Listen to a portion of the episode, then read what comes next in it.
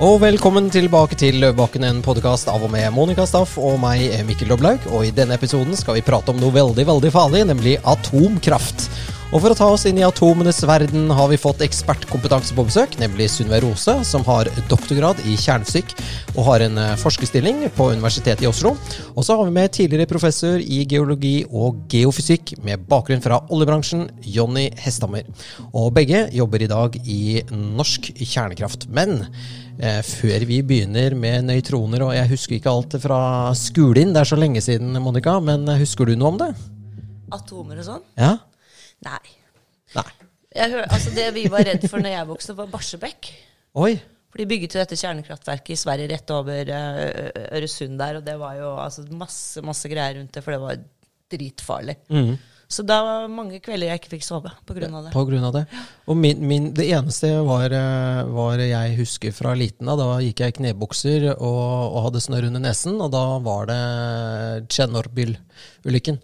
Uh, og at vi i flere år, eh, når vi var på hytta og fisket ørret, så var, var det liksom den var selvlysende, og de voksne ja. lo av det. Jeg skjønte ikke noen ting av det. Så kunne man ikke spise renstyr for det var full av becquerel. Becquerel og så videre, ja. Og becquerel tror jeg er en måleenhet, men dette får vi helt sikkert vite noe mer om. Du, eh, jeg burde vite mer, for i Sivilforsvaret så var jeg en del av det som heter Radiak-gruppa.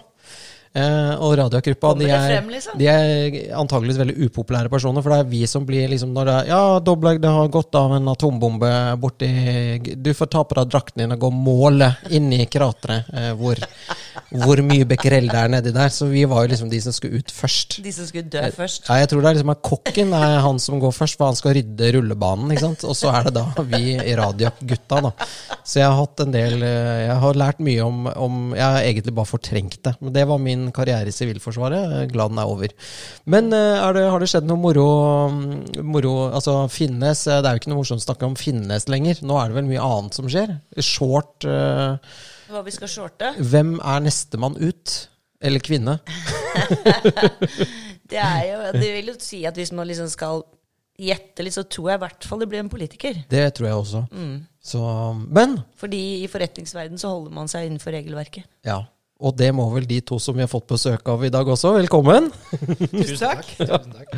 Vi får begynne med, Kan ikke du ta over her, Monica, mens jeg lukker dataprogrammet mitt? Datamaskinen din? Ja. ja. Eh, Norsk Kjernekraft AS, det er jo et aksjeselskap. Kan dere fortelle litt om eh, hvordan dere to kom inn i dette, og eh, hvem som er med, bortsett fra dere? Ja, det er jo en uh, historie med, uh, hvor Sunniva og meg har kjent hverandre i uh, en årrekke. Så vi har, vi har, skrevet masse kronikker sammen. Vi har snakket om energi og strøm, og ikke minst energikildene våre og kjernekraft. Så det, det, er noe vi har holdt på med siden 2019, var vel første gang vi skrev sammen. 2019, ja.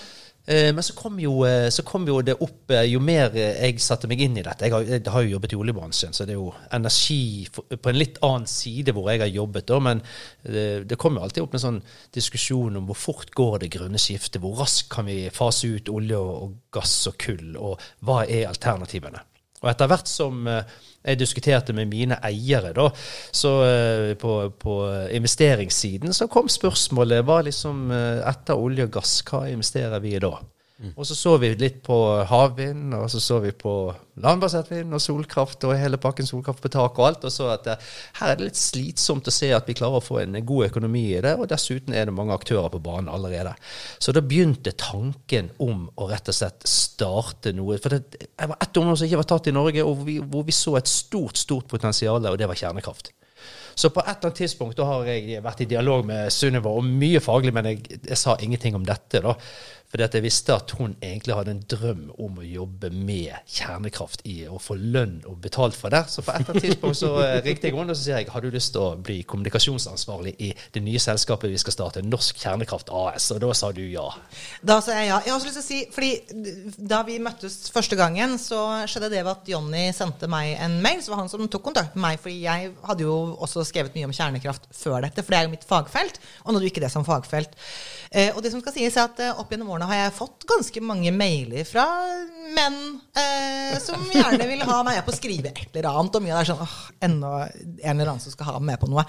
Eh, men så heldigvis så var jeg Det var vel på sommeren jeg hadde tid og ro til å lese hva du faktisk skrev. Og jeg googlet og skjønte at ok, men dette her er jo en som faktisk har noe, har noe å fare med. Så det ble jo starten på, på mange først kronikker, men også analyser og veldig mye spennende diskusjoner nettopp rundt det der hvor vi satte disse kunnskapene våre sammen, hvor jeg kom med den kjernekraftsiden og begynner å si Men du, det er egentlig sånn at avfallet er veldig lite. Og, så, og da setter Jonny i gang og begynner å regne og trekke. Altså, så, det, var en, det var en bra kombinasjon. Eh, og det er helt riktig at eh, da han sa at eh, du, jeg jobber faktisk med å lage et selskap, så lurte jeg ikke på å takke ja til det. Nei, vi er, vi er jo eh, egentlig sånn, litt sånn forskernerder begge to. Eh, og når vi da setter det i sammen, og det er såpass utfyllende, så eh, ble det faktisk en utrolig bra treff. Mm.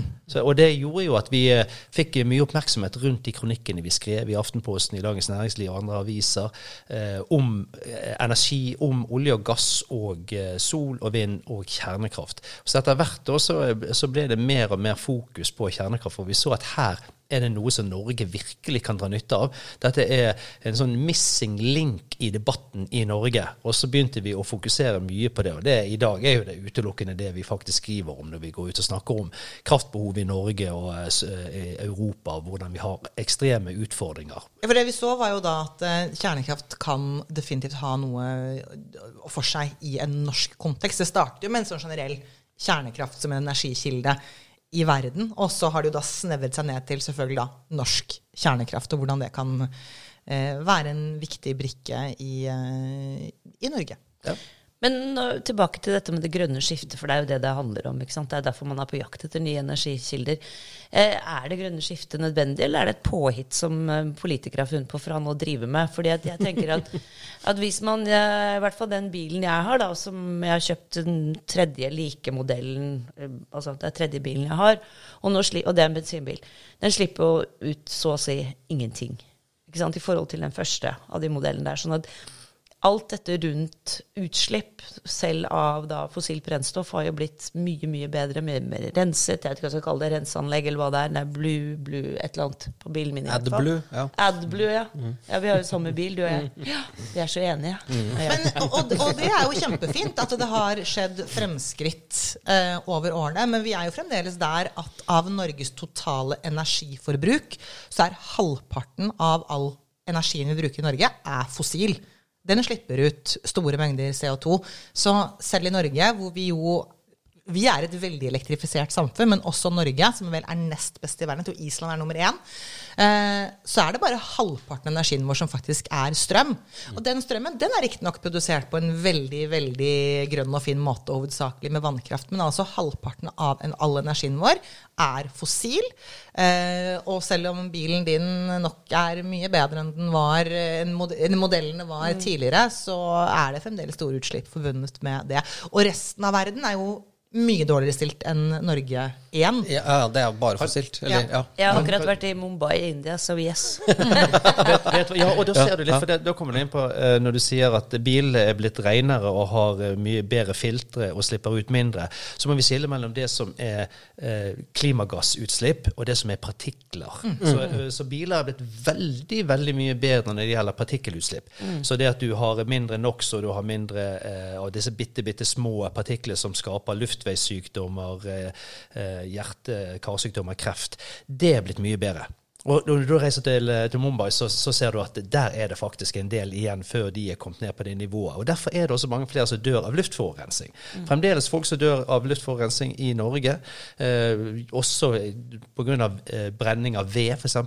Men eh, når det gjelder klimagassutslippene, så ser jo vi det at der er det en utfordring. Verden har en utfordring der. Vi slipper ut eh, eh, menneskeskapte klimagasser, og vi ser at det påvirker eh, temperaturen. Og så er det sånn, så er det stor enighet i verden at det må vi faktisk gjøre noe med. Men så kommer jo da ja, hva skal vi gjøre da? Og der er det ganske interessant når du sier ja, det grønne skiftet, eh, fungerer det?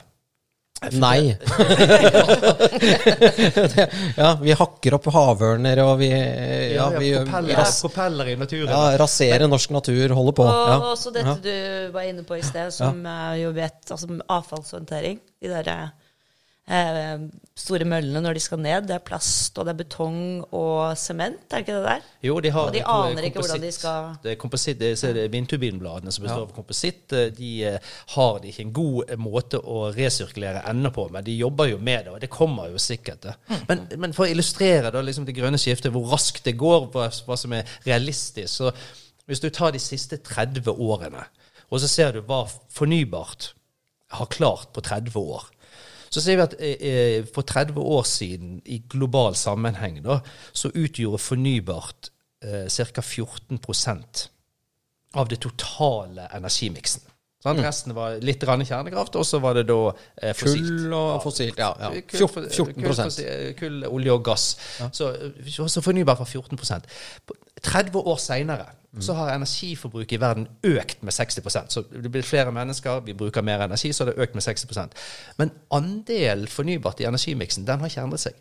Så med all Den har gått litt ned. Ja, Den har gått ned 12 14, Men allikevel så er det større altså mengde. Ja. Ja. Men det har ikke klart å holde tritt med da energioppgangen. Og det betyr jo fossilt, at fossilt øker, ikke sant? Det er jo Ja. det som er konsekvensen av det. Og et viktig poeng nå, bare jeg sa det litt, men jeg bare understreker det, for jeg ser at det er en forvirring sånn i samfunnet generelt om man snakker om da om man snakker om energiforbruk eller strømforbruk.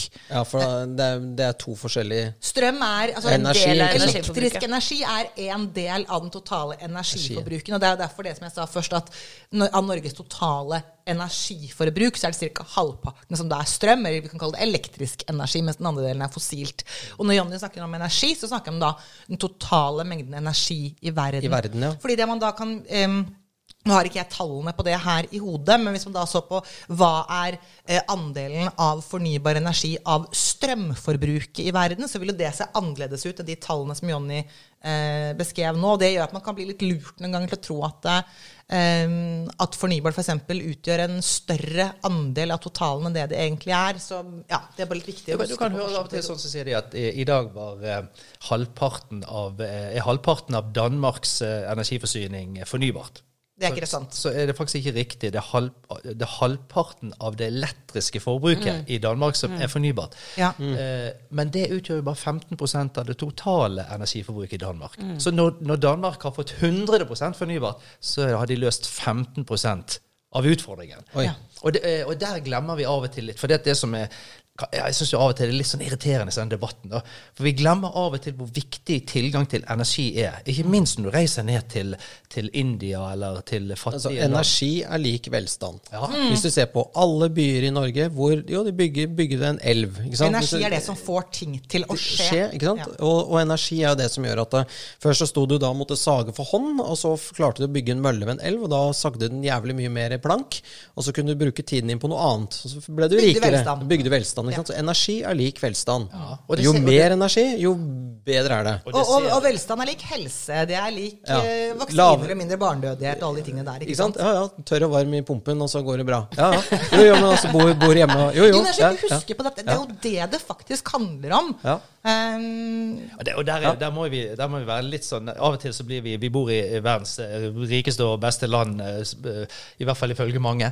Og av og til så glemmer vi det. At det fins 700 millioner mennesker som lever i ekstrem fattigdom. De, skal, de må komme ut av ekstrem fattigdom. Det er 900 millioner mennesker som ikke har tilgang til elektrisitet. Det er 3 milliarder mennesker som ikke har tilgang til rent brensel for å lage maten sin. Og Derfor dør jo også flere millioner mennesker årlig pga. innendørs eh, Ja. Så det der med at når, når mennesker får tilgang til energi, så får de det bedre. Da kommer de ut av ekstrem fattigdom, velstanden eh, stiger, og så etter hvert så kan man da begynne å gå over på rene energikilder. Men vi kan ikke bare kutte vekk energien til folk når vi sier at uh, Norge skal bare kutte, vi skal stoppe med fossilt, vi skal gjøre, kvitte oss med det. Så må det balanseres mot at det må erstattes med noe annet. Og da, da fortalte jeg nettopp at eh, fornybart har, andel fornybart har faktisk eh, gått ned med 2% på 30 år. Og så må det være realistiske planer. ja. Ikke sant? For det er mye av det som er lansert, er jo urealistiske planer i forhold til dette klimamålet som Norge da har satt seg. Og nå er det vel sånn at både EU og FN har jo, er jo enig i at kjernekraft er vel så godt som fornybart, og har eh, altså, i hvert fall ikke noen flere ulemper. Ja. Det, Og hvorfor er, gjør man ikke det da isteden? jeg, jeg tenker jo at det er en sånn debatt som er nødt til å tvinge seg fram. Altså, vi, kan ikke ha, vi kan ikke ha en situasjon i Norge hvor alt skal handle om fornybart. Det handler jo egentlig om hvordan vi skal nå nullutslippsmålet. Ja. Så det, det overordnede viktige, det virker av og til som regjeringen kanskje har glemt, hva er det egentlige målet? Målet er ikke å bygge ut fornybart. Nei, målet er null. Ja, Eller er altså, eller, om det er mulig. Ja, ja, ja. Og da ser jo vi at, eh, Og det er jo nesten sånn surrealistisk. Jeg blir litt oppgitt. og vi, Av og til så diskuterer Sunne med meg dette ganske intenst. Men det der, det der at eh, hvis du ser på fornybar, så har det diskusjonen om landbasert vind. Så er det noen kommuner som ikke vil ha utbygging av landbasert vind i, i sine kommuner. Havvind har fått utfordringer med kostnader. Det, det gir bare strøm når vinden blåser. Og så kommer kjernekraft inn. Så viser jeg at kjernekraft det er veldig lave klimagassutslipp. Det er veldig lite naturinngrep.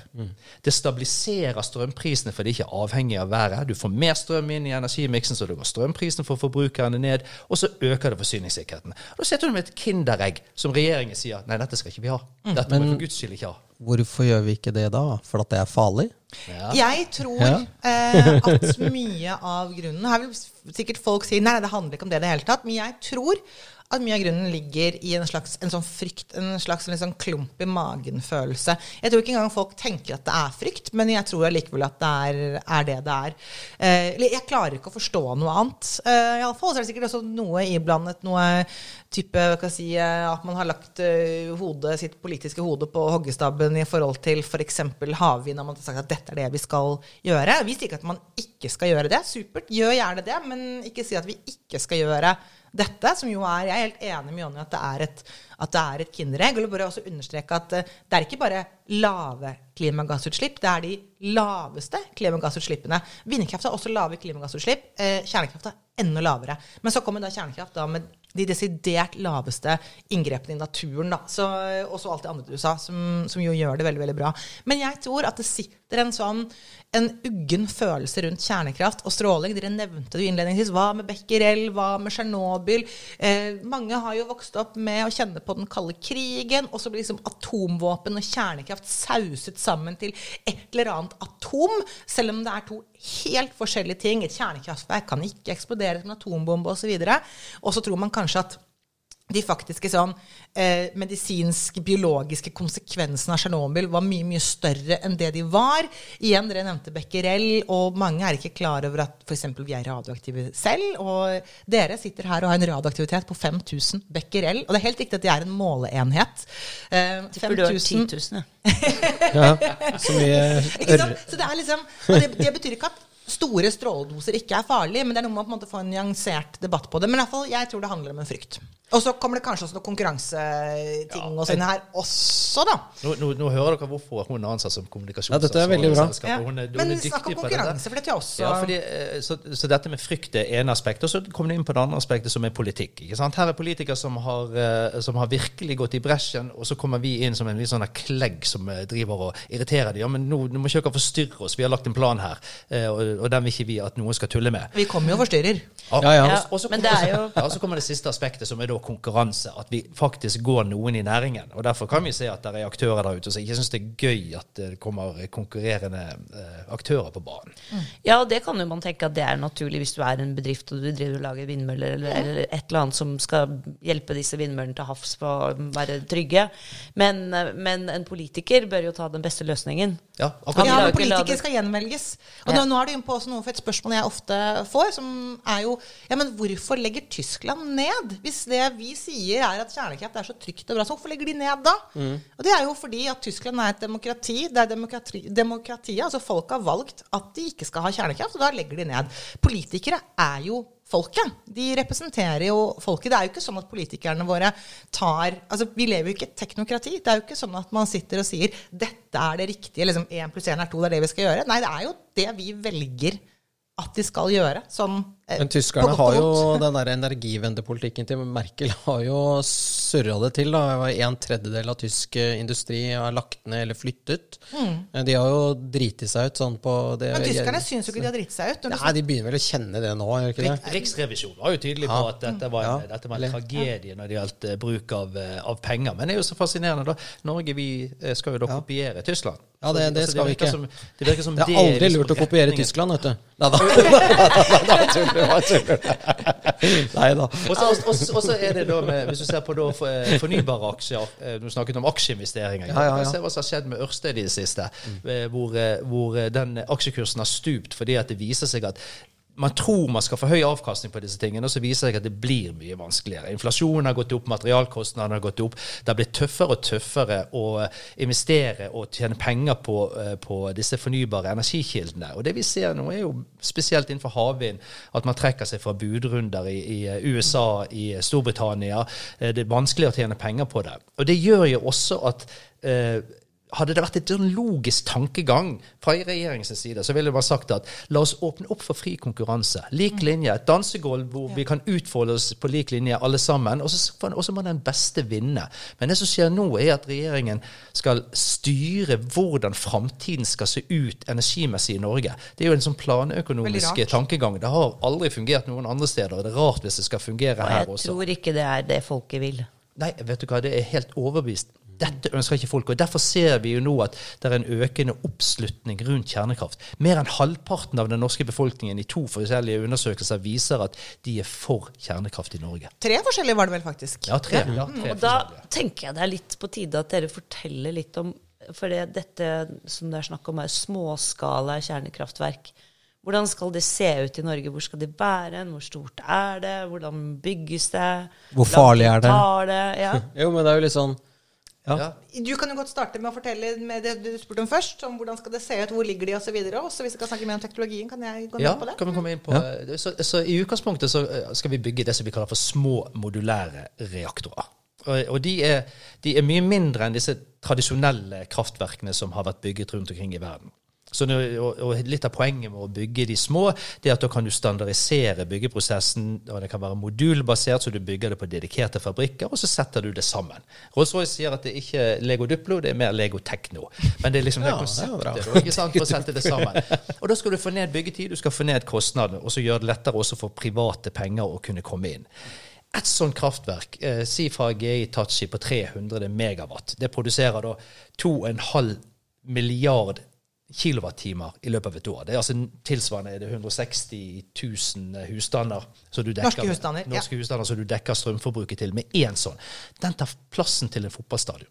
Hele, inkludert ytre sikkerhetssone, som betyr at i prinsippet så kan du bygge bolighus utenfor. Så det er absolutt alt tar plassen Det må vi snakke om også, det med sikkerhet. Men ok, så det vil si at Oslo hadde klart seg med én eller to Det er to Tre. sånne? Tre? Vi Tre er mer enn 160 000 mennesker i Oslo. Nei, vi er Ja, en halv million. ja, så- Bergen, de er ja, bare- de er. Men så- Tre.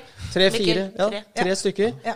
Så, så vi setter opp et eller annet sted. Ja. Eh, tar ikke store. Nei, det tar, jo, det tar utrolig liten plass. Og her er jo det interessante. Da, hvis du f.eks. sammenligner én sånn reaktor med, med eh, landbasert vind, så, så skjønner du litt av problemstillingen. Og hvis vi tar eh, det som er Fosen-konflikten, det er Storheia og Roan vindparker oppe i, i Fosen-traktene. Eh, og De består av 151 eh, vindturbiner, og de har eh, 82 km planområde. De har 129 kil- eh, 29 km eh, vei som skal gå inn til dette. Det og 82 km kvadratkilometer. Eh, Så hvis du sammenligner da en sånn, en sånn kjernekraftverk, en sånn liten modulær reaktor, med vindkraft, så bruker den, det, det kjernekraftverket det bruker en 1640-del av arealet. Det, det er jo dette han, Vi hadde en som het Jørn Siljeholm på besøk her, som er tidligere i Miljøvernforbundet. Han sa at det var liksom i, i, i, I denne higen etter å redde klimaet, så raserer vi naturen. Det blir liksom sånn at vi legger hele Nordmarka utenfor Oslo flat og bygger vindmøller herfra til eh, Gjøvik. Og så kan ingen være der lenger og ødelegger alt habitat. Eller vi kan bygge tre små fotballbaner med kjernekraft. Gjerne i byen omtrent. Eh, ja, og Vi det, kan bruke Ullevål og eh, Ja, går, går, går det an å bygge den liksom ned i bakken og så legge en liksom fotballbanen oppå, eller? GE Tansy, som vi nettopp var innom, da, de Ja. bygger jo reaktoren ned i bakken. Ja. Og så er det litt viktig, og her spiller jeg ball over til Sunniva, fordi at eh, når vi snakker om uh, kjernekraftverk, så sier de ja, men dette er, jo, dette er jo teknologi som ikke eksisterer. Men det er jo ikke riktig. Nei, det stemmer ikke. Fordi, for å bare gjøre en sånn oppklaring rundt på det, hva er SMR, små modulære reaktorer, eller small modular reactor, så har jo nå Jonny fortalt liksom om størrelse, hva det skal levere osv.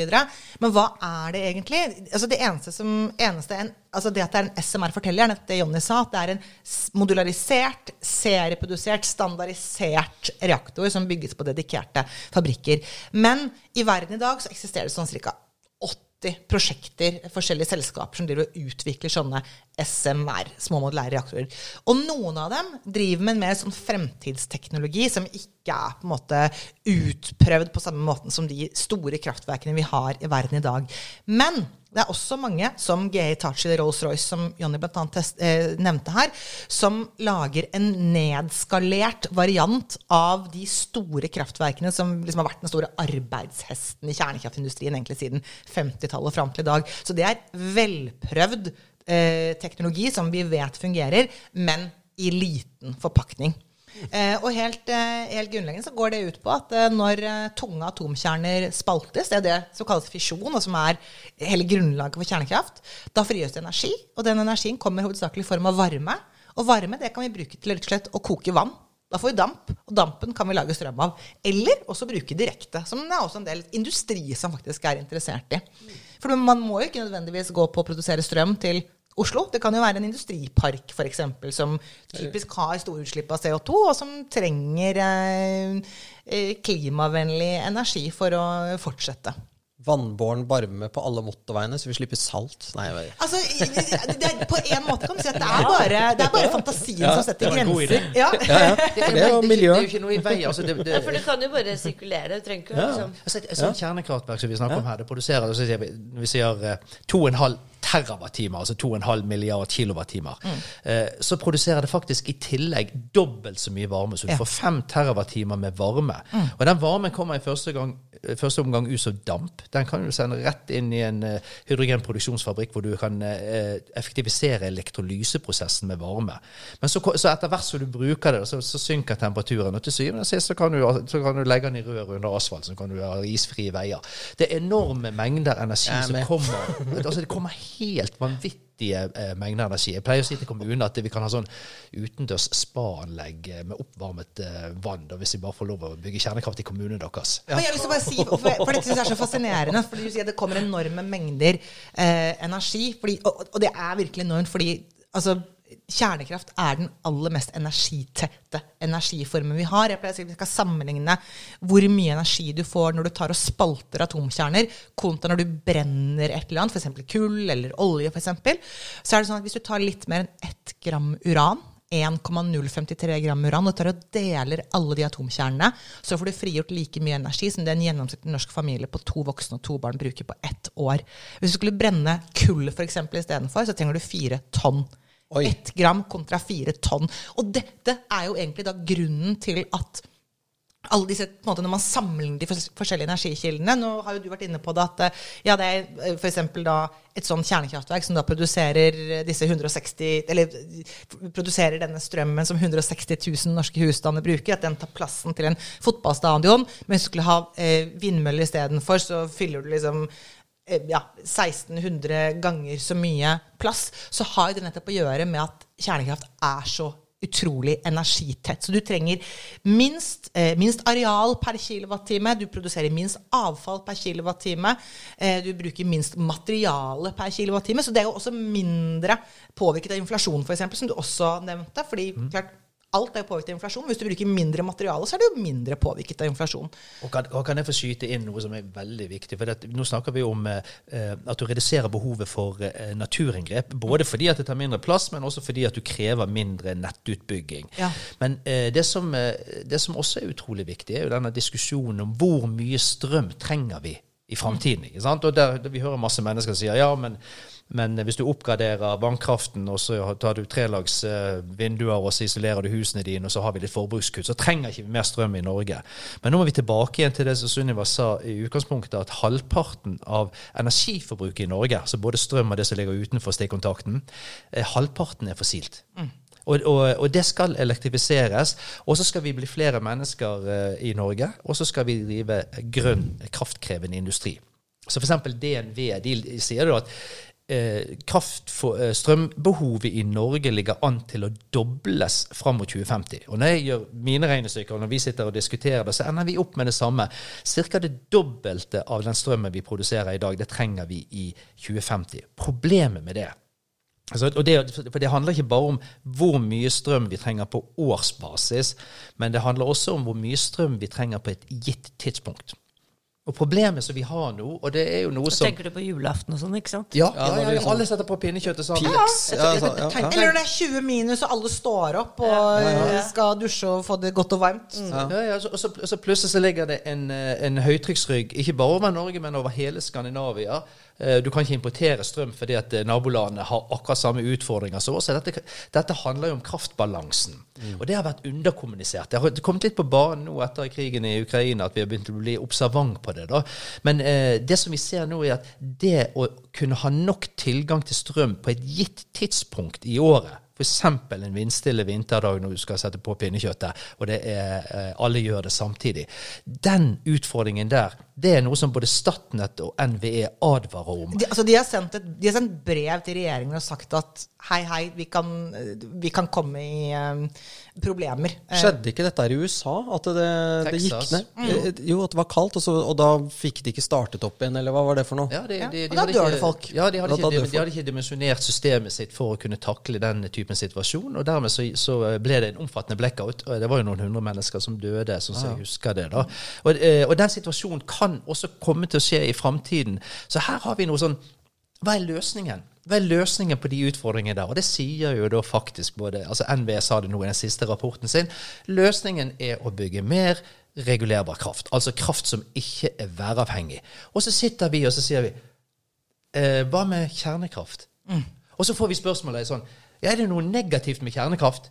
Ja, det er jo noe negativt med alle energikildene. Det handler jo om å balansere fordeler og ulemper opp mot hverandre. Men her er jo noen gode studier som vi kan lene oss på. Ja, men jeg skal bare si en ting nå, fordi, fordi jeg vil si at vi mener ikke at løsningen er at vi bare skal bygge kjernekraft. fordi som jeg tror Jonny har fått frem nå, at det, det, behovet vi har fremover, når vi skal kvitte oss som heter fossile forbruket, det er så massivt at det er plass til både å bygge eh, fornybart og kjernekraft. Men kjernekraften er til å være med på å hjelpe på disse situasjonene hvor man er bekymret for rett og slett blackouts og det som da skjedde i Texas.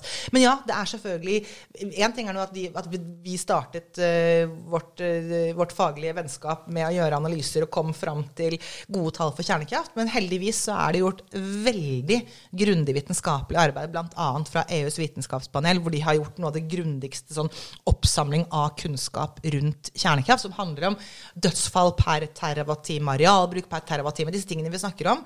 Og de kom jo da fram til, den rapporten ble publisert i 2021, at kjernekraft er eh, minst like grønt og bærekraftig som fornybart. Og det er den tryggeste energikilden. Har lavest utslipp av CO2, lavest naturinngrep, bruker minst materialer, eh, minst kritiske metaller. Eh, altså, den, den, kommer ekstremt godt ut. Året etter, i 2022, så kom FNs UNESE med en rapport som gikk enda mer på helse- og miljøkonsekvenser, og de konkluderer med, eh, med det samme. Så som på de målbare parametrene så kommer kjernekraft ekstremt godt ut. Altså Det har det laveste negative fotavtrykket. Så kjernekraft også har et negativt fotavtrykk, fordi alt vi gjør, har et negativt fotavtrykk. Men kjernekraften har det minste fotavtrykket. Så, så hvorfor gjør man ikke bare det? For, ja, det er tilbake med frykt, blant annet. Ja. Politikk, politikk, politikk. Ja. Du, du, kommer tilbake til, til, de tre tingene. Det er, det er, frykt, politikk og konkurranse. Fordi at det som, det som disse rapportene viser, og vi sitter vi, vi kan ikke i vår fantasi villeste fantasi forestille oss hvorfor vi ikke skal kunne diskutere dette. Det virker helt irrasjonelt. Men ta frykten, da. Ja, eh, du bygger et kjernekraftverk i Oslo. Eh, jeg må jo si selv, eh, selv om Altså Du får litt sånn følelse i magen? Jeg har jo ikke lyst til å bo opp oppå en sånn fusjon, hva kalte det? Fusjonsreaktor, liksom. Det er jo litt kjipt. og Plutselig så begynner jeg Har liksom du lyst til å bo oppå en bensinstasjon, eller? Sitte og fyre sigg og Mye bedre det enn, enn, å, enn å bo oppe på sånn nuclear Men nå må jeg bare bryte inn, Ja. eh, fordi, fordi eh, Norge har jo hatt fire forskningsreaktorer, Ja, blant ja. annet i Halden. Og Kjeller og- ja, ja. Halden-reaktoren den ligger midt i byen, inni det som heter Månefjellet. Mm. Og oppå den reaktoren så, bor det, så er det bolighus, og der bor det folk. Ja, og de har ikke åtte øyne i panna og Godzilla. Og, og, ja. det du, og det du peker på der, jeg skjønner at du tuller litt når du Ja, sier tuller, det, men- men, men, det, men, det, men det er allikevel et viktig bilde dette, på den der frykten Og dere sa det også, ja, var selvlysende frykt Nei, selvlysende, selvlysende fisk, og så ler dere av det. Men det er en del liksom, disse mytene um, som også er bygget opp rundt populærkultur, som f.eks. The Simpsons, hvor man ser liksom, det er treøyd fisk osv. Man blir altså ikke selvlysende. Um, og um, Veldig skuffende. Nei, eh, vært og, til, og til og med Tsjernobyl, som jo var den aller verste ulykken man har hatt i kjernekraftindustrien, med store utslipp av radioaktive stoffer, eh, besto faktisk av fire reaktorer. Det var, det var denne nummer fire som ble ødelagt, som ble eksploderte og brant. Men de tre andre reaktorene de fortsatte strømproduksjon til den siste ble stengt etter år 2000. Så her gikk det folk ut og inn på jobb hver eneste dag i tiår etter ulykken. Så det er altså heller ikke sånn at man, hvis man nærmer seg Tsjernobyl-kraftverket, så blir du selvlysende og faller død om. Heller ikke da. Heller ikke da. Nei, heller ikke da. Skuffende. Ja, men det, Ja. vi- blir jo opptatt av det spektakulære. ikke sant? Altså Ja. det, det å dø av hjerte-karsykdommer og kreft er ikke fullt så spektakulært som å, dø av stråling i forbindelse med en kjernekraftulykke. Men når det gjelder dødelighet, så er jo det kull som tar flest liv. Og det skyldes jo tilbake igjen det med partikkelforurensning. Det tar livet av eh, flere millioner mennesker hvert år. Det dør faktisk flere mennesker av partikkelforurensning fra kull hver eneste dag enn det som har eller noensinne vil dø som følge av Tsjernobyl-ulykken. Hver dag. Og når det gjelder ulykker, så er jo, det er jo ikke kjernekraft som er den dødeligste, det er vannkraft. Vannkraft er den desidert dødeligste energikilden vi har når det gjelder ulykker. Det så jo vi nå i Libya. Eh, Ja, når, når, når, når eh, så- når det så- så demninger som ja. sprenger Og jeg pleier av og ja, til å vise ja. det. Der, I i Bergen så har vi svartedikstemningen. Det er sånn, det er fantastisk. Det er en sånn svær, svart dik, derav navnet. Og så er det da eh, ned forbi der så er det masse gamle hus, og der bor det masse mennesker som er veldig redd for kjernekraft. Ja, ikke sant? Det vet ikke Jonny om de er, men, men vi antar det. Kunne vi bli kvitt hele Bergen hvis den røk? Nei, du hadde blitt kvitt, du hadde blitt kvitt en, eh, en god del av Bergen, men, eh, men det er fremdeles veldig mye Bergen. er- Og så er vi veldig robuste i Bergen. da. Ja, ja. Så- Ja. det De blir er ikke vant i til vann. Det der, er- det der er ikke noe for det. Det er Ja, bare- er ikke så redd for å bli det bare- våt som andre. Det er bare, det jo bare litt vått vann. Men sånn som dette stearinlyset som står og brenner, det er partikkelforurensning, eller? Ja. Ja, ja, altså De sier jo at stearinlys er jo eh, tilsvarer ikke noen sigaretter for dagen. så... eh, Oi. Oi. Oi. jo, jo, men det, det, er, det er ganske interessant, da, fordi at eh, vi tenker ikke så mye over det. da, Men dette er jo akkurat det som det stearinlyset representerer med den, de partiklene som kommer opp i, i luften. Det er jo en av de tingene som er så utrolig utfordrende for fattige mennesker, som sitter i, i, i små hus hvor de har et bål inni huset, og hvor de brenner enten kull eller koks eller ved eller tørket kumøkk. ikke sant? Så kommer de partiklene opp, og det forårsaker, eh, forårsaker seg mellom tre og jeg tror det er tre til fire millioner mennesker som dør som følge av partikkelforurensning årlig. Og de dør jo ikke i spektakulære ulykker, de dør av hjerte-karsykdommer, kreft og luftveissykdommer. Men hvis du da fyrer i peisen på hytta, og du har god, god trekk, så er det ute det er farlig, da. I- Ute er ja. såpass stort at det har ikke noe å si for, for ute. Ja, altså det, ville vært mye, det ville liksom. vært mye bedre hvis du hadde et lite kjernekraftverk i peisen. Ja. Ja, men det er ikke Men koselig. Nei, det er ikke like Det er ikke noe koselig å sitte og se på sånn blått sånn kommer sånn, eh, koselig men eh. Men, men, eh, men eh, altså, jeg tenker på det er fascinerende med å se på sånne tegneserier fra 50-tallet og 60-tallet. Da var det jo, da skulle alle bilene være radioaktive, og de skulle fly, og det var, det var jo alt, Det er Ikke sånne radioaktive. Ja, fremtidsvisjoner. ja, de, ja, ja, bilene skulle ikke være radioaktive, de skulle gå på kjernekreft. Ja. Men vi har jo snakket om det før. Vi hadde jo et kjernekraftverk på besøk her i sommer, Monica. Du satt jo og så på det. Gerald Ford. Ja, ja, Gerald Ford. Ja. Det er første gangen eh, Oslo har tilstrekkelig luftvern i historien. ja. Ja, nettopp. ja. Men da hadde vi det. Da hadde vi det. Pluss eh, mye strøm. Ja. Ja. Pluss Den, strøm. den, det hangarskipet der kunne forsynt eh, alle husstander i Oslo med strøm. Ja. Og det gikk jo bra. Ja, ja, ja, tenk det, da. Og det lå ikke masse fisk som var selvlystne i Oslo havnebasseng. Det er folk ute og. Og nå er folk ute og svømmer i en badstue i Bjørvika. Jo, men ok, Så dette er det jeg prøver å si. Det er ikke farlig. Altså, Det er iallfall det minst farlige. Eh, så spørsmålet om det, Hvordan måler du farlig? Så en ting har vi sett på I dødsfall per terawatt-improdusert produsert energi, så har kjernekraft de aller laveste tallene. Eh, som Jonny sa, så er det kull som er desidert høyest. Altså virkelig eh, aller høyest. Kjernekraft er helt nederst. Og så snakket også Jonny om i enkeltulykker. For det er det ofte folk sier. Men hva med hvis ulykken først skjer? Da er det veldig, veldig farlig.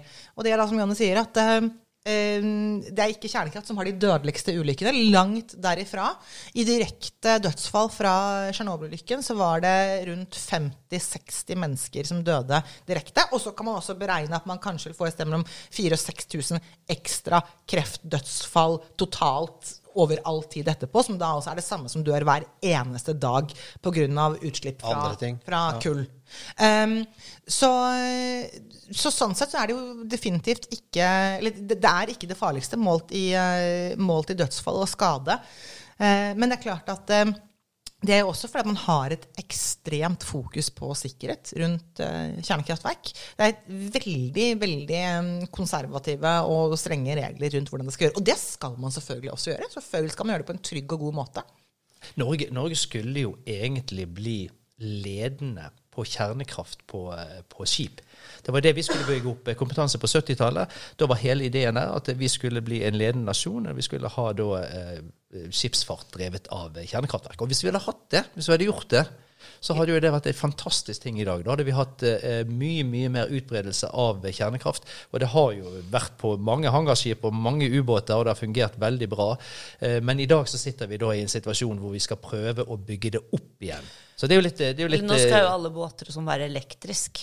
Ja, men du kan ikke gjøre det på Suser rundt med svære batterier. han- Liksom. hangar- hangarskip på batteri. Det, Men Ja, jeg tror heller ikke- 70-tallet jeg eh, det. Når Jonny snakker om 70-tallet, synes jeg også En annen ting som skjedde på 70-tallet, var at kjernekraft ble utredet grundig i Norge. Og den utredningen endte jo med en konklusjon om at eh, kjernekraft var en veldig god løsning for Norge. Og det var både storting og regjering som sendte da de sier ok, greit, da må vi finne lokasjoner da, for disse kjernekraftverkene i Norge. Og så sendte de NVE ut til det ganske land for å finne lokasjoner. Og dette visste jo ikke kommunene noen ting om, så det kom som et sjokk. Og de ble faktisk kjeppjaget fra enkelte kommuner. Og så ble det på en måte kroken på døra for kjernekraft i Norge på 70-tallet. Det var også to andre viktige ting som skjedde i energisammenheng på 70-tallet. Det ene var at vi fant olje, og vi også hadde en ganske voldsom utbygging av vannkraft. Så i den konteksten så var ikke kjernekraft da nødvendig. Men i dag, og det er også utrolig viktig med hva som skjer videre fremover nå, fordi i dag så kommer da spørsmål om kjernekraft nettopp fra kommunene. Det kommer fra folket. Det er jo over 40 kommuner som i løpet av det året norsk kjernekraft har eksistert, som har tatt kontakt med oss for å lære mer. Og så er det noen som har gått ganske mye lenger enn det. Også Vi har jo nylig levert nå en melding og forslag til utredningsprogram til, eh, til Olje- og energidepartementet sammen med kommunene Aure og Heim, som for øvrig er drevet av Arbeiderpartiordførere, som er litt morsomt sånn Bra. i den politiske konteksten. Men vi snakke litt om det, altså eh, sysselsetting. Altså dette er Ja. jo Kommunene i Norge er jo veldig glad i sysselsetting. Ja. Arbeidsplasser, ja. Eh, arbeidsplasser. Vi liker jo arbeid generelt. Ja, ja, så Kjernekraft, ja. ja, Ja, høre. eh, Det er gjort en, eh, det er gjort en veldig fin eh, studie på det av Det internasjonale pengefondet. Og der de sammenlignet arbeidsplasser fra fornybart versus kjernekraft. Mm. Og det de så, og det var ganske tydelig og klart, det var at kjernekraft gir flere arbeidsplasser, bedre betalte arbeidsplasser, det er stabile jobber de får, og det er langvarige, altså langvarige jobber, og kun kjernekraft gir vesentlig loka, eh, mengde lokalt ansatte over tid. For det skal jo driftes, disse kraftverkene. Ja, altså et, Denne ene lille saken som produserer 2,5 TWh med strøm, den krever jo 100 mennesker som jobber kontinuerlig der. Og så i tillegg så, så kommer da industrien som kommer rundt. Så du kan legge ved siden av. Ja, så, så eh, det, det er jo helt klart at dette Jeg syns det er rart når eh, når, eh, hvis hvis sier at regjeringen sier nei, du får ikke lov å bygge kjernekraft, så er det noen kommuner som sier vi skal ikke ha vindkraft i disse kommunene. Andre kommuner sier vi er åpne for å ha vindkraft. Helt greit. Skal ikke blande meg opp i det. Men hvis man sier da til de kommunene, f.eks. Aure Heim, som er Arbeiderpartiordfører, som, eh, som eh, leder i de kommunene Hvis jeg da sier til de nei, du får ikke lov å bygge ut kjernekraft, ja, hva skal de gjøre da? Skal de stenge ned kommunen? Skal de bare akseptere at det ikke blir arbeidsplasser, eller skal regjeringen tvinge de til å gjøre noe de ikke har lyst til? Så hvorfor ikke åpne opp for det som EU og FN sier er det beste valget for klima, natur, miljø og menneskers helse? Skal vi la oss styre så grådig av følelser, politikk og konkurranse at ikke vi tillater det? Nå Men- ble jeg litt sint nå. Ja, i- nå, nå har jeg lyst til å si at det, Nei, men, men, men jeg har lyst til å se nå, for nå, nå høres det ut som at du tenker at nå har Olje- og energidepartementet de har, altså, Nå må vi være litt, ha litt Det heter vel. Energidepartementet, bare, har jeg skjønt. Nei, det er fra 1. januar, da. Nettopp. Ja.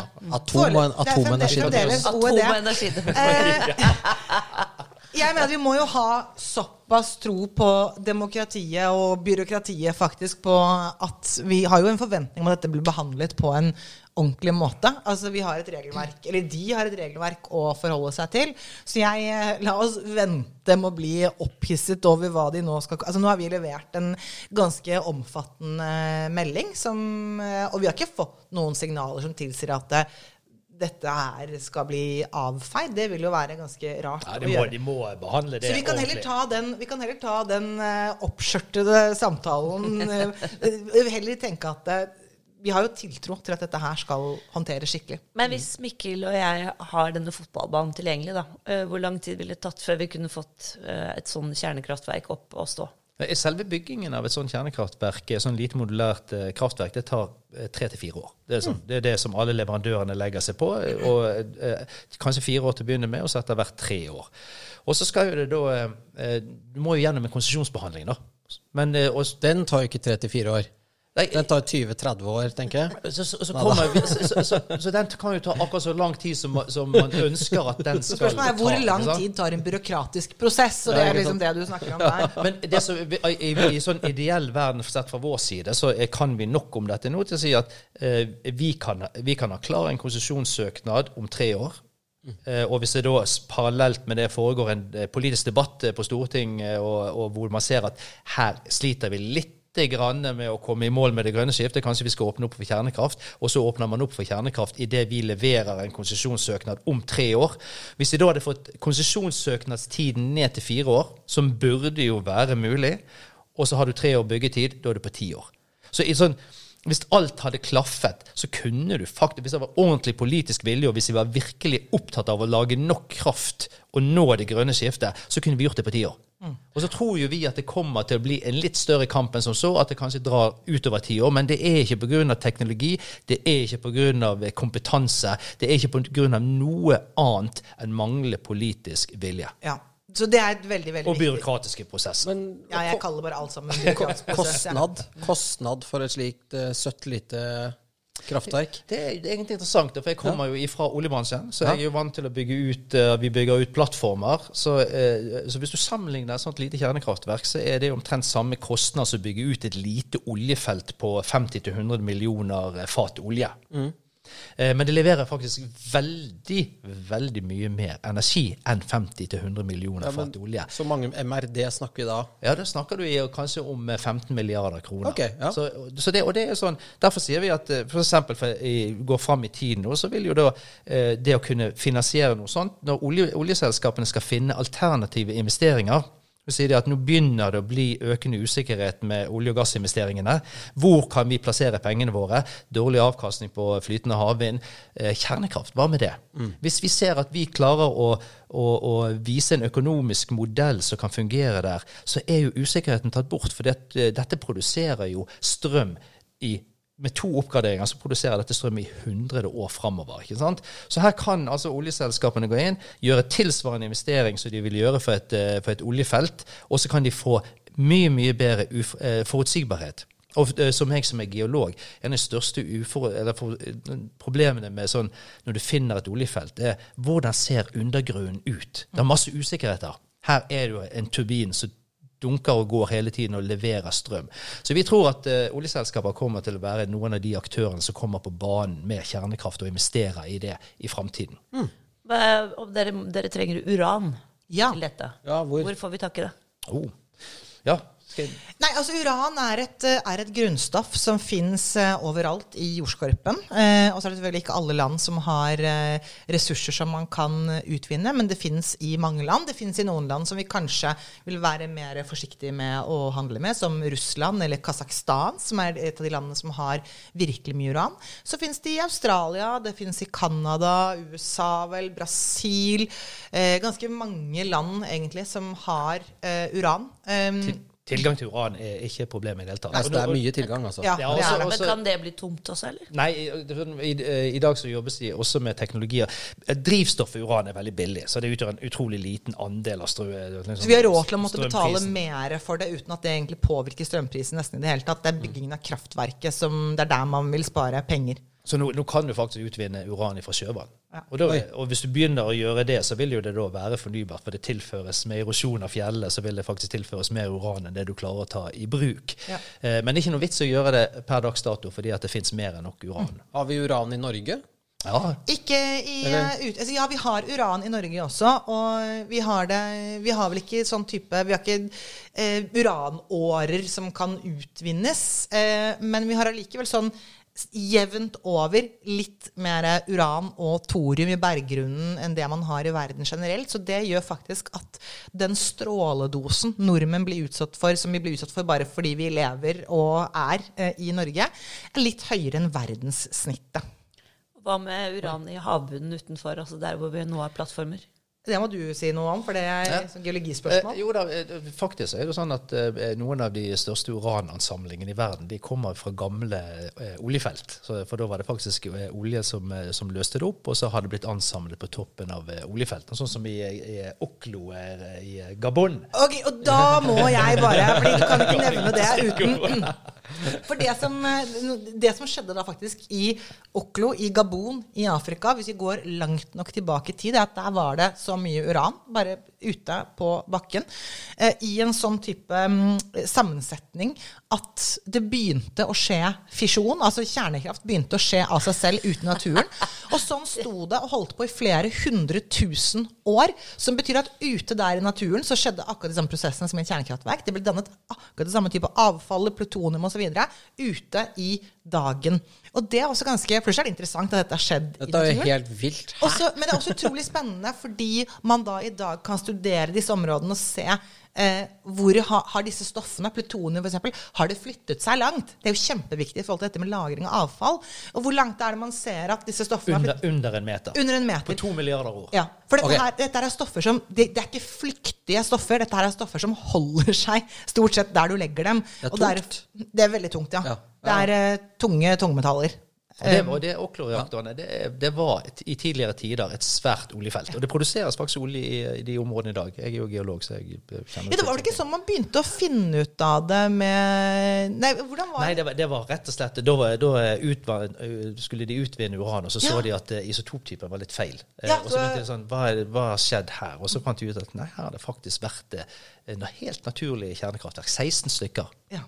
Det er litt kult. Ja. God historie. Vi har, jeg har skrevet en kronikk om det. Vi har ikke publisert hvordan- den. Den må vi faktisk Ja. Hvordan starter en sånn eh, reaksjon av seg selv ute Jo. i naturen? Det, eh, selv om det var veldig lenge siden? Eh, grunnen til det, når man går langt tilbake i tid, er at uran, sånn som man finner ute i naturen, består av to typer uran. Det er det som kalles isotoper, for de som husker det fra skolen. Så det er den typen som kalles uran-235, og så er det den typen som kalles for uran-238. Det er den derre 235-typen. Det er den som er spaltbar. 238 bare er der. Og så har disse, disse to stoffene de har litt forskjellig halveringstid. Den 235, som er den vi vil ha i kjernekraftverk, den har kortere halveringstid enn 238. Så det betyr at den forsvinner fortere enn den 238. Hvis du går langt tilbake i tid, så var det rett og slett en større andel av den 235 i forhold til 238 enn det det er i dag. For i dag så har veldig mye har forsvunnet bare fordi den er naturlig radioaktiv. Og derfor er det sånn at hvis du går tilbake i tiden, så var det uranet vi fant ute i naturen, var samme type sammensetning som det vi i dag bruker og lager til for å bruke i brensel og kjernekraftverk. Anrikning? Det er det som kalles anrikning, ja. For Ja. anrikning, Ja, ja, ja. det betyr at man man tar ut av dette uranet. Ja, applaus. Man tar ut uranet fra bakken, og så er det veldig da, liten andel som er denne uran-235. Vi vil da vi anriker, som betyr at vi øker den andelen 235 i forhold til 238. Og hvis du går da to milliarder år tilbake, eller hva det var, så var da altså av naturlige årsaker, pga. de forskjellige halveringstidene, så var det uranet du fant ute i naturen, var Ferdig anriket. Det var ferdig anriket. Og Og da- akkurat, akkurat her var det nettopp fordi at det hadde blitt transportert med oljen opp på toppen av denne fælen, denne oljefælen som var.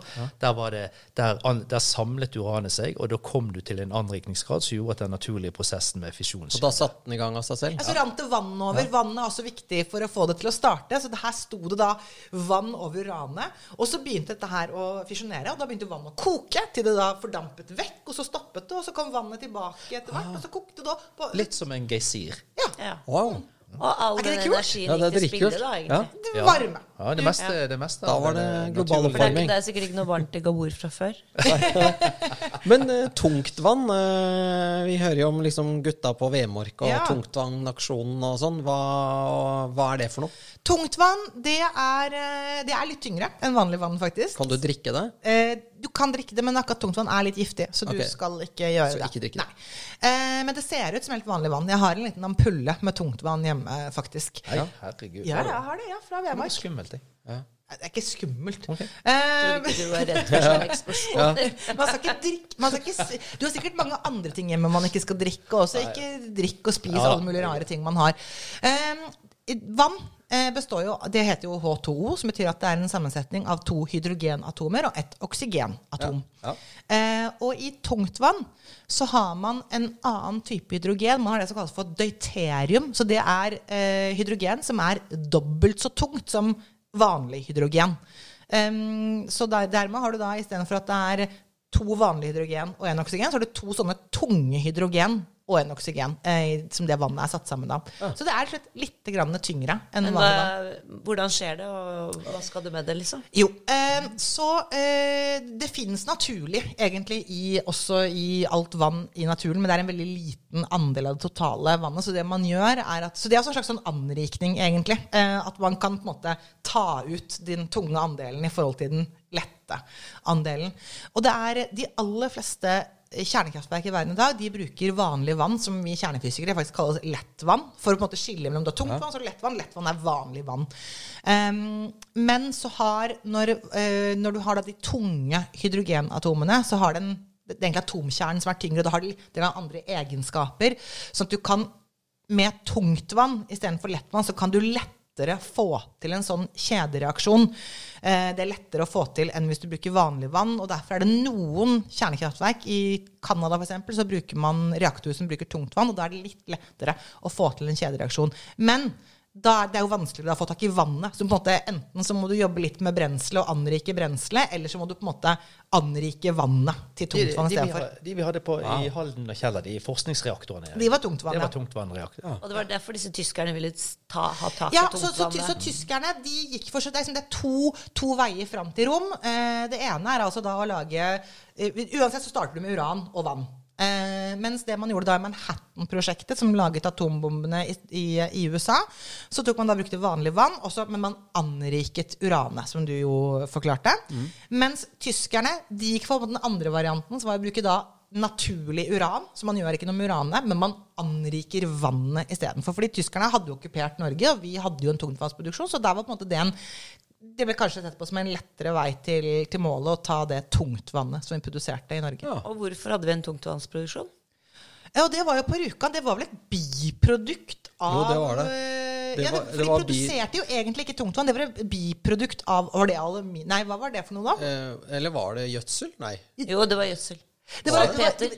Tungtvannet var i hvert fall et biprodukt, og da de så at Men der hadde man jo en, det som et biprodukt, så satte man jo opp Ok, nå skal vi bare Nå skal vi på en måte jobbe for å produsere Det tungtvann istedenfor. Ja, ja. Eh, men så det, fall da, så det var jo tyskerne som ønsket å bruke det i sin produksjon. fordi det er klart at det var jo De også hadde jo et ønske om å lage atomvåpen. Men, men Norge har jo, vi var utrolig tidlig ute. Vi var jo eh, noen av de første som bygde kjernereaktorer i verden. Mm. Eh, og vi bygde jo den første Det var Kverna som bygget den. Vi bygde den på tre år. Ja. Så det var jo en fantastisk bragd på den tiden. Da skulle jo faktisk Norge være litt framoverlente. I dag er vi litt sånn eh, bakoverlente og litt treige på I dag sier vi at vi får ikke til noen ting. med en kompetanse. Alt av veldig, veldig Så vi tid. kunne vært en atomnasjon, vi. Ja, vi skulle, bli, Ja. vi skulle faktisk Vi skulle bli, bli det. det. Det var, Ja. det var målsetningen, det å bli det. Og så skjedde jo det da eh, eh, et par ting. Og det er jo sånn ja, Ikke alltid helt lett å vite hva som skjedde. Men det vi så, det var at det begynte bl.a. borte i USA, i, i miljø og, miljøbevegelsen der borte.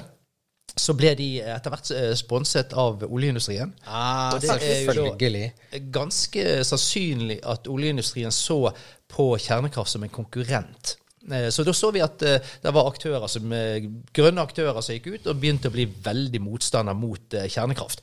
Og dette bredte seg om seg. da. Det var veldig effektiv propaganda. Det var atombomber er lik kjernekraft, og vi skal ikke ha noe av det i det hele tatt. Og dette spredde seg over, også over til til eh, Tyskland, eh, Europa. Eh, I Tyskland så ble jo det en veldig sterk grønn eh, som bevegelse da, som var, var mot kjernekraft. Og den har holdt seg helt til i dag. I dag ser vi det fremdeles. Det sitter gamle, eh, utdaterte fordommer i Naturvernforbundet, i, i Greenpeace, i Bellona, hvor man, hvor man har en sånn nesten sånn prinsipiell religiøs motstand mot kjernekraft som går tilbake igjen, helt tilbake igjen til 70-tallet. Og den, jo, den sliter vi med i dag. For når vi skal da argumentere for de positive sidene med kjernekraft, så blir vi møtt med sånne påstander om at nei, det har eh, risiko, det er farlig, avfall er problemer, det tar for lang tid.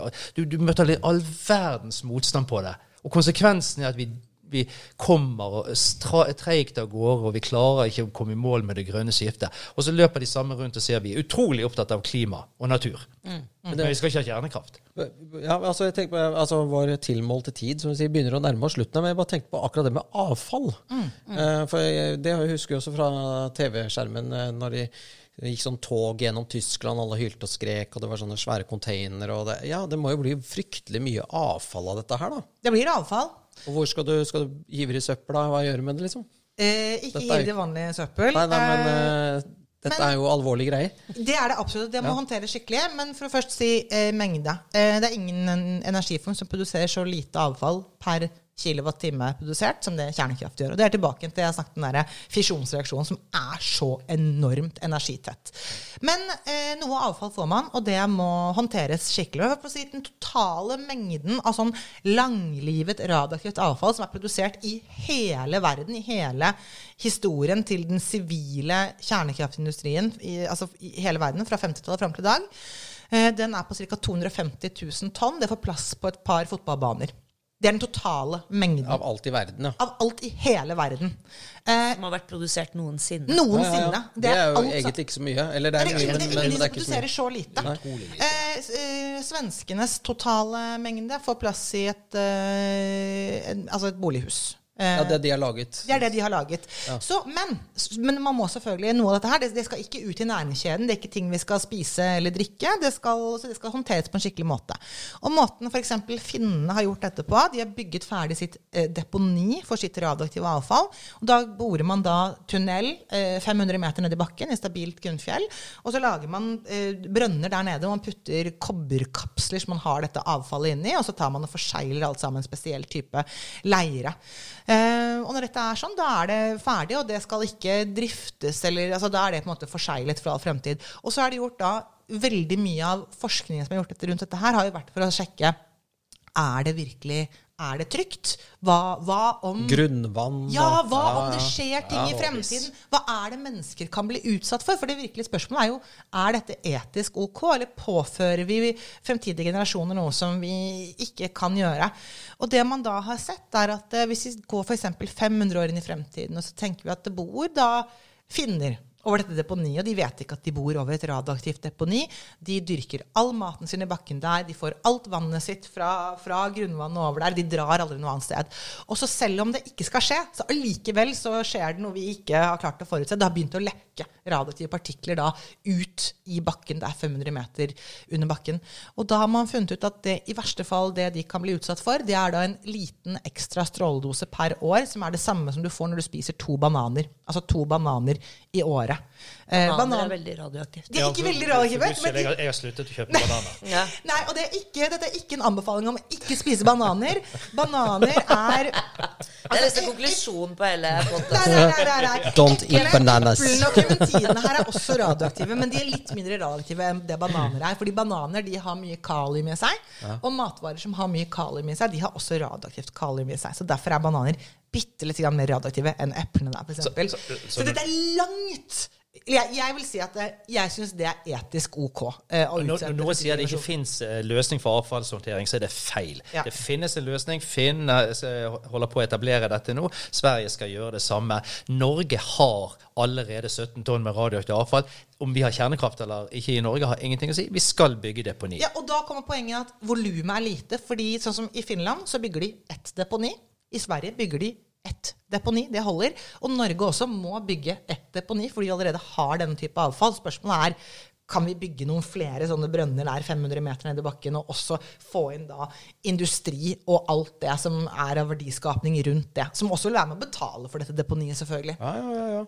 Det, vi, det vi må få, er mer faktabasert kunnskap inn i diskusjonen. Og så må vi kvitte oss litt med disse irrasjonelle påstandene som ikke har rot i fakta. Ja.